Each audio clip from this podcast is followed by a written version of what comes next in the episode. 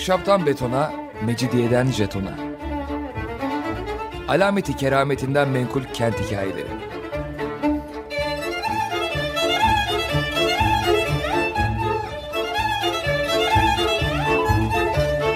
Hazırlayan ve sunan Pınar Erkan.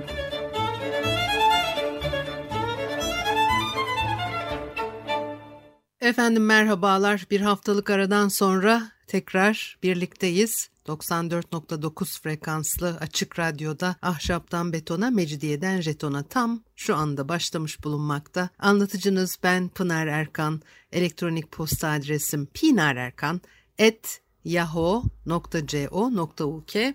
Bakalım bugünkü programımızda neler var?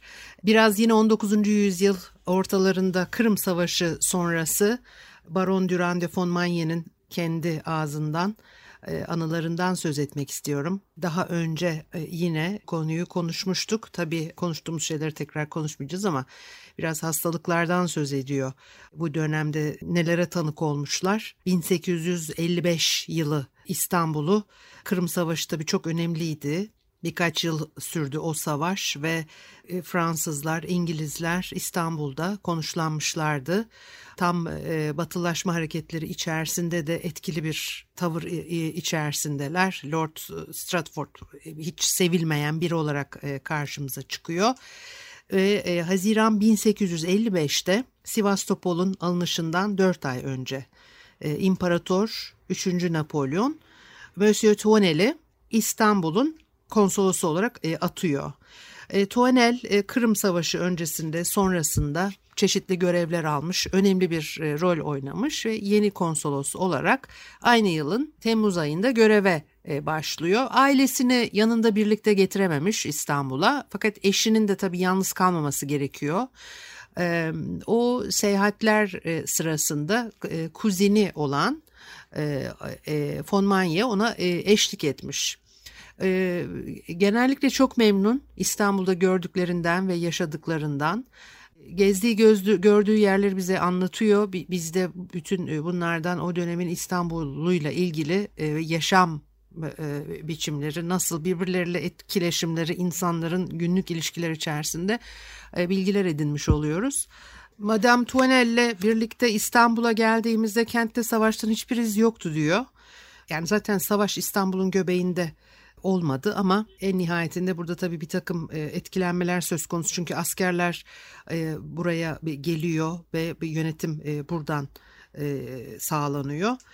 Diyor ki yani onlar da tabii Beyoğlu'nda özellikle pey vakit geçiriyorlar. Bu dönemde askerlerimize rağmen sokaklarda kavgalar çıkıyordu. Müslüman İstanbul kentinden çok farklı bir yapı sergileyen Pera ve Galata halkı içinde Ülkenin her tarafından gelmiş çok sayıda maceracı, kanun kaçağı var. Ve Türk polisi e, yetersiz kalıyordu diyor. Sokak ortasında gündüz gözüyle suç işleniyor, failler bulunamıyor. Cinayet dahi işliyorlarmış ve insanlar hiçbir şey görmemiş gibi yoluna devam ediyorlarmış. Ee, İstanbul'daki en yüksek rütbeli Fransız subayı tüm generalin talebi üzerine Fransa konsolosu Monsieur Tovanel Pera'da bir Fransız polis gücü oluşturma izni alabilmiş. Ee, ondan sonraki e, Fransız jandarmaları etkili biçimde görev yapmaya başladılar e, diyor von Manye. Fakat o tutuklanan suçluların çoğu ülkelerinin temsilciliklerinden kendilerinin e, serbest bıraktırılmasını istiyorlarmış ve bunu da başarılı, başarıyorlarmış. Zaten bu döneme ait e, Galata ve Pera ile ilgili anlatılan e, farklı konularda da aynı durumun söz konusu olduğunu görürüz. E, tam yine bu yıllarda kurulan bir Beyoğlu Belediyesi, daha doğrusu 6. Daireyi Belediye, sadece Beyoğlu değil, Galata, Pera, Balat Fener bile 6. daireye dahildi. İlk defa çağdaş belediyecilik hizmetleri vermeye başladılar ve bir batı tarzı bir yaklaşım söz konusu olduğu için de bunu e, bir hani pilot bölge seçer gibi e, zaten ihtiyaç da buradan çıktığı için çünkü tabii Kırım Savaşı ile beraber buraya asker konuşlanmış onların ihtiyaçları var. E, şehrin diğer bölgelerine göre biraz daha sosyal yaşantısı güçlü bir İstanbul karşımıza çıkıyor. Lokantalar, oteller, toplantılar, e, çay bahçelerinde e, müzikli e, balolar ağırlıklı olarak bu bölgede karşımıza çıkıyor. Dolayısıyla bir de tabii orada yani yeni açılan mağazalar, Avrupa'daki ana mağazaların birer küçük kolları gibi düşünebileceğimiz bu bölgede ciddi bir sosyal yaşantının gelişmesine e, sebep olduğunu görüyoruz.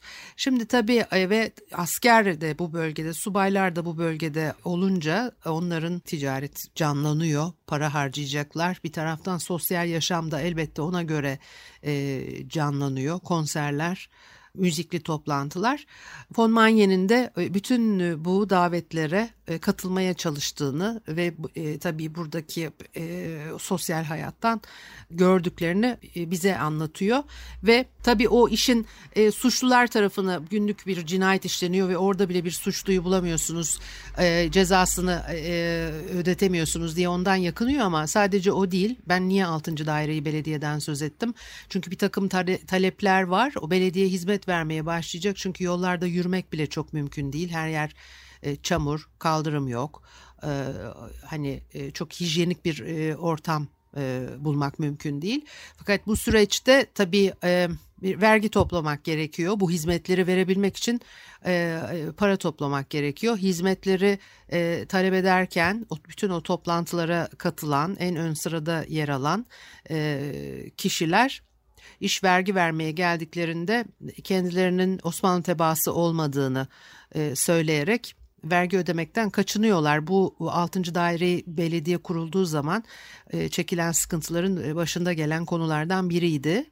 O yüzden hani kaynak aynı gayrimüslimler de yabancılarla evlenerek yabancı ülkelerin tebaasına e, geçiyorlar ve bu şekilde tabii e, pek çok şeyden e, kaçındıklarını, kanunlar karşısında da çaresiz hani kalındığını e, bu süreç içerisinde görmek mümkün. Şimdi bir taraftan da hastaneler ve hastalar yaralılarla e, doluymuş o süreçte ve diyor ki yani barıştan sonra da Kırım Savaşı için söylüyor bunu tabi bu sığınakların boşalması gerekiyordu. İskorbit hastalığı çok fazla her yerde askerler arasında tahribata yol açmış.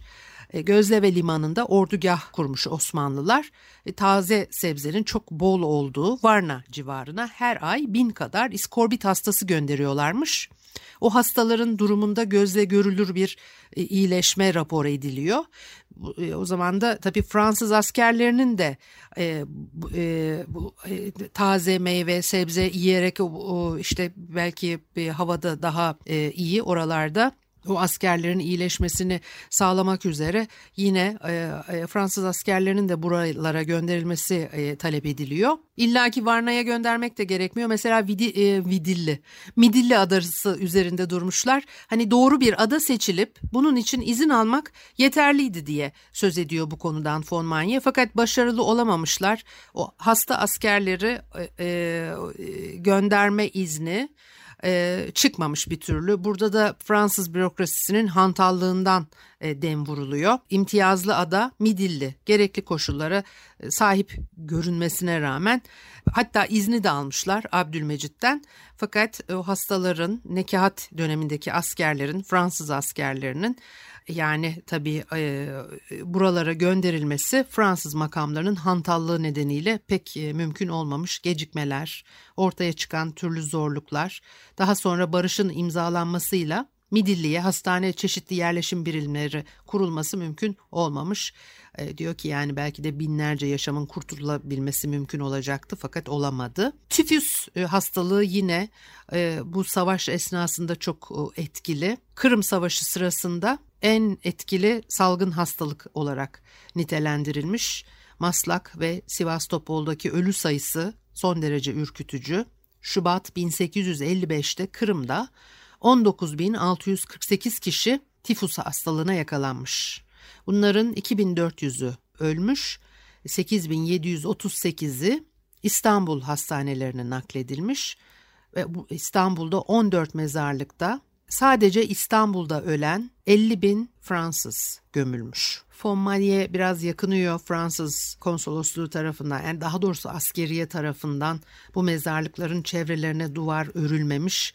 Fransız konsolosluğu Türklerin kendilerinin bu duvarları örmeleri için e, teşebbüste e, bulunmasaydı her şeyin terk edildiği, unutulduğu bir ülkede bu mezarlar kaybolacaktı belki de diyor. Görülmemiş, duyulmamış ve anlatılması da son derece üzüntü veren bir olay diye söz ediliyor. Pera'da oturan bir Fransız bu mezarlardan birinin taşlarıyla kendine ev yapmış ve bu dünyada hiçbir biçimde adalet olmadığından yakınıyor yazar. Monsieur Touenel 16 ee, ya da 20 yıldır Montmagnier'in ifadesi bu. Fransa'ya sadakatle hizmet etmesine karşın e, soylu yüksek devlet görevlilerinin e, yıllardır kendisine e, Legion d'Honneur madalyasını vermediğini söylüyor. Halbuki mezar taşlarından kendisine ev yaptıran bu kişi bu madalyaya sahip olmuş. Bunu da bir acıklı hikaye olarak anlatıyor. Bir müzik arası verelim ondan sonra devam edelim. Efendim Açık Radyo'da Ahşaptan Betona, Mecidiyeden Jeton'a devam ediyor. Haliyle Pınar Erkan'ı dinlemektesiniz. Von Manye'nin 1855 yılında Kıvır, e, Kırım Savaşı sırası ve sonrasında İstanbul'da e, gözlemlerini size e, biraz aktarmaya çalışıyordum ve tifüs hastalığının ne kadar etkili olduğunu bu yıllarda sonra 50 binden fazla İstanbul'da ölen Fransız e, askerlerinin İstanbul'daki 14 mezarlığa gömülmüş olması bunlar e, tabii o dönem için yaşanan son derece e, acıklı şeyler. Burada tabii e, Fransız hükümetinin bu konularda biraz daha tutumunun e, ciddiyetsiz olmasından e, yakınıyor aslında von Manye. Diyor ki her şey askeri makamlara bağlı olmasaydı Ruslarda, İngilizlerde ve Türklerde olduğu gibi bizim kayıplarımız da daha az olabilirdi. İki sistemin sonuçları arasındaki farkı görmek mümkün ve kendi durumlarını da içler acısı olarak e, nitelendiriyor. Miss Nightingale'den söz ediyor. O dönemlerde biliyorsunuz Selimiye kışlasında görev almış olan e, Nightingale hastaların kategorilere e, ayrılmasını önermiş. E, Kırım ve Varna ordusundaki Fransız hekiminin de böyle bir önerisi var. Onu kimse dinlememiş. E, yani İngilizler bu şekilde ölüm oranını dörtte üç civarı azaltmış. Hasta bakıcı rahibelerimiz de e, bu ayrımın yapılmasını istiyorlardı ama tıpkı doktorumuz gibi hasta bakıcılar rahibelerimiz de dinleyen olmadı diyor. E, Fransız posta gemileri yöneticisi hastaları e, Fransa'ya nakledilmesinin son derece yanlış olduğunu düşünüyor. Demek ki o dönemlerde böyle bir takım karışıklıklar olmuş. E, o e, hastalar yani askerler ta Fransa'ya gidene kadar yani çünkü bu kötü, yanlış, sorumsuzca bir iş olarak e, değerlendiriliyor. Savaş bitmiş. E, onların bulundukları yerde e, tedavi edilmelerinin daha e, mantıklı olduğu e, düşünülüyor.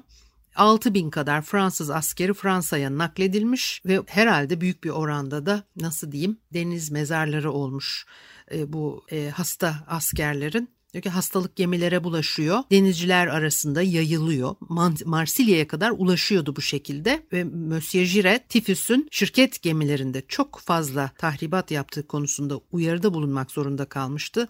Sürekli hasta nakleden gemilere mikrop bulaşmıştı ve Sivastopol, Marsilya posta hizmeti duracaktı bu gidişle kaçınılmaz olarak e, o gemilerde hizmet veren çok sayıda tayfa, ateşçi, e, görevli tifüsten ölmüş e, ve onların yerine yeni birisini de bulamıyorlarmış. Böyle de bir tabii sıkıntı var ve asker hekimlerden çok ölen olmuş görevlerinin başından ayrıldıkları tek zaman ölen askerlerden birinin e, gömülmesi için gidilen cenaze e, töreniydi diyor. Yine Fransız asker hekimlerinde 46'sı ölmüş ve İngilizlerin 448 hekimi varmış. Hiçbir kayıp vermemişler. Fakat e, Fransızların 450 hekiminin 82'si hakkın rahmetine kavuşmuş o süreçte. E, diyor ki 2 Mart 1855'te Pera sakinleri çok üzüldüler. Kahramanca fedakarlıkları sonucu kurban olan üç askeri hekimimizi taşıyan üç tabut gördüler. Bir taraftan böyle e, o üzüntülü şeyleri anlatıyor. Bir taraftan da mesela Tarabya koyundan ayrılıp Büyükdere limanına giden Royal Albert gemisine bir ziyarette bulunmuşlar. Burada herhalde bir balo düzenlenmiş. E, aldıkları pek çok daveti kabul etmemiş olan Tueneller nihayet bu daveti kabul etmişler. E, deniz e, kaya binilemeyecek kadar dalgalı olduğu için amiral Tarabya'ya kendi büyük teknesini gönderdi.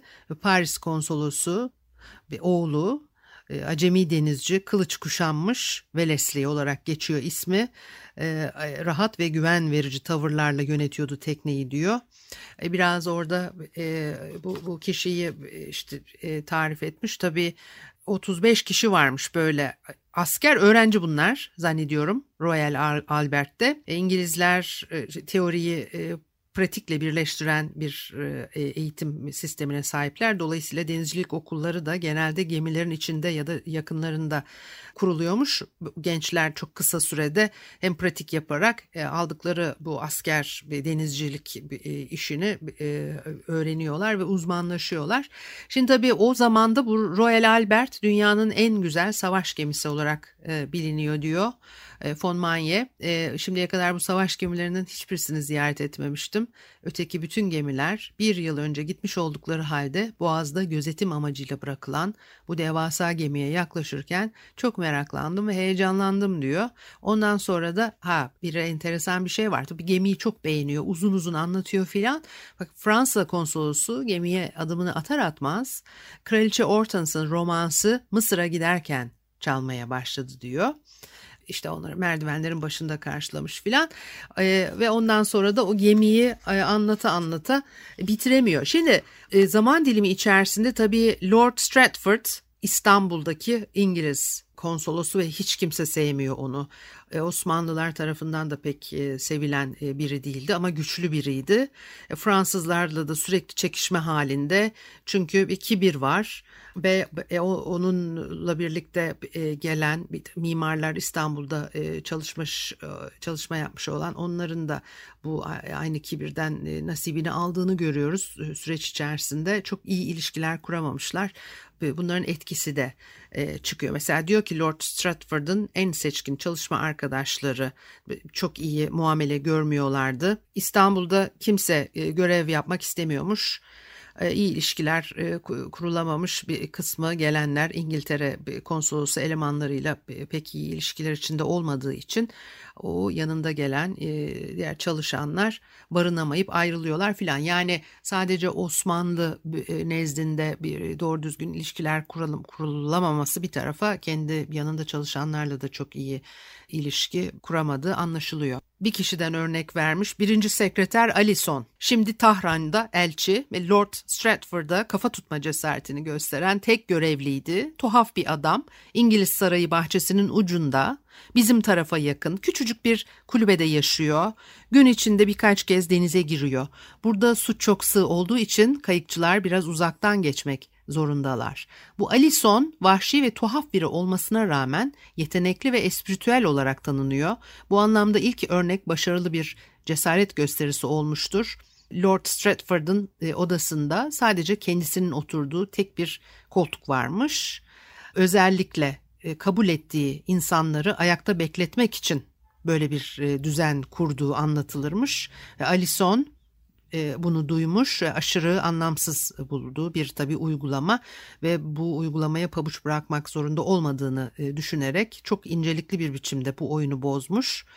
E, Lord Stratford kendisini çağırdığı zaman yanına ilk kez girdiğinde önce selam vermiş sonra sağına soluna bakmış oturabileceği bir iskemle olmadığını görünce yazı masasına yaklaşmış masadaki kağıtları bir kenara çekmiş kendisine bir yer e, açmış ve son derece ciddi bir tavırla oturmuş masanın üstüne. Ertesi gün Lord Stratford'un odasına iskemleler konmuş. Lord Stratford aynı kibirli tavırla davetlere de hep geç gidermiş. Çünkü e, İstanbul'da başka bir elçinin kendi düzeyinde olabileceğini kabul etmezmiş. O İngiliz gururuyla bekletilmeye de tahammülü yokmuş. E, konferanslara ya da davet edildiği yemeklere her zaman geç gidiyor. 1853'te yine Fransız e, e, konsolosluğu tarafından bir yemeğe davet edilmiş. E, her zamanki gibi bu yemeğe de geç gitmiş. Ondan sonra içeri girdi. Oldukça geç gitmiş. Ondan sonra da demiş ki gittiğinde bizi beklemediğiniz için çok mutlu oldum. General de gülümseyerek demiş ki ona sayın lordum sizi beklememiş olsaydık yemek çoktan biterdi. Bunlar tabii kendi aralarında birbirlerine verdikleri diplomatik ama iğneleyici cevaplar. Lord Stratford özür dilemiş güya ama bu olayı da hiç unutmamış. Von Manye diyor ki ben geldiğimde Lord Stratford İstanbul'da hala çok etkin bir şahsiyetti ve bundan yararlanmak için hiçbir fırsatı kaçırmıyordu. Monsieur Touvenel onun cakasını bozan ilk Fransa konsolosu oldu. Onu ülkesine geri göndermiş olmanın gururunu taşıyor diyor. 1855 e, senesinde e, ülkesine geri dönüyor Lord Stratford. Aslında onunla ilgili anlatacak çok başka türlü hikayeler de var ama bu haftalık da bu kadar olsun. Haftaya görüşene kadar hoşçakalın.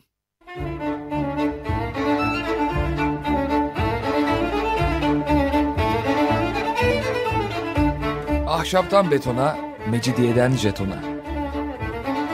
Alameti kerametinden menkul kent hikayeleri.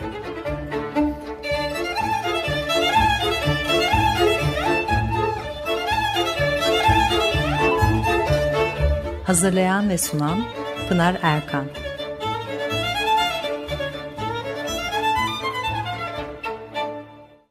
Açık Radyo program destekçisi olun.